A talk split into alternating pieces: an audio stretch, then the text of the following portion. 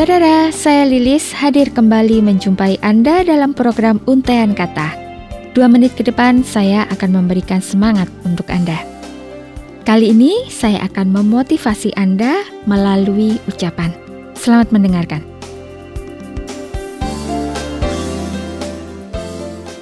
Saudara, banyak hal yang terjadi dalam kehidupan ini. Kebahagiaan, kesedihan, ketulusan, termasuk kebencian selalu menjadi warna dalam menjalani hidup.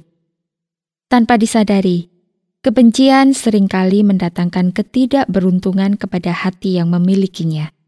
Rasa benci menjauhkan dia dari kenikmatan tersenyum, tertawa, gembira, dan bersuka cita.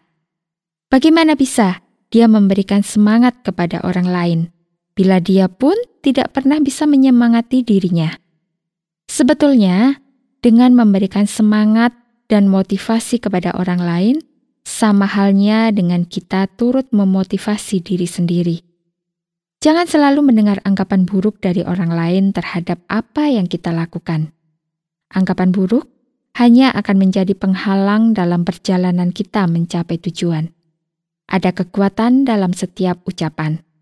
Seorang yang mengucapkan kata-kata dengan segenap ketulusan hatinya akan membuat mereka yang mendengar menjadi mampu untuk melewati berbagai hal sulit di dalam kehidupannya.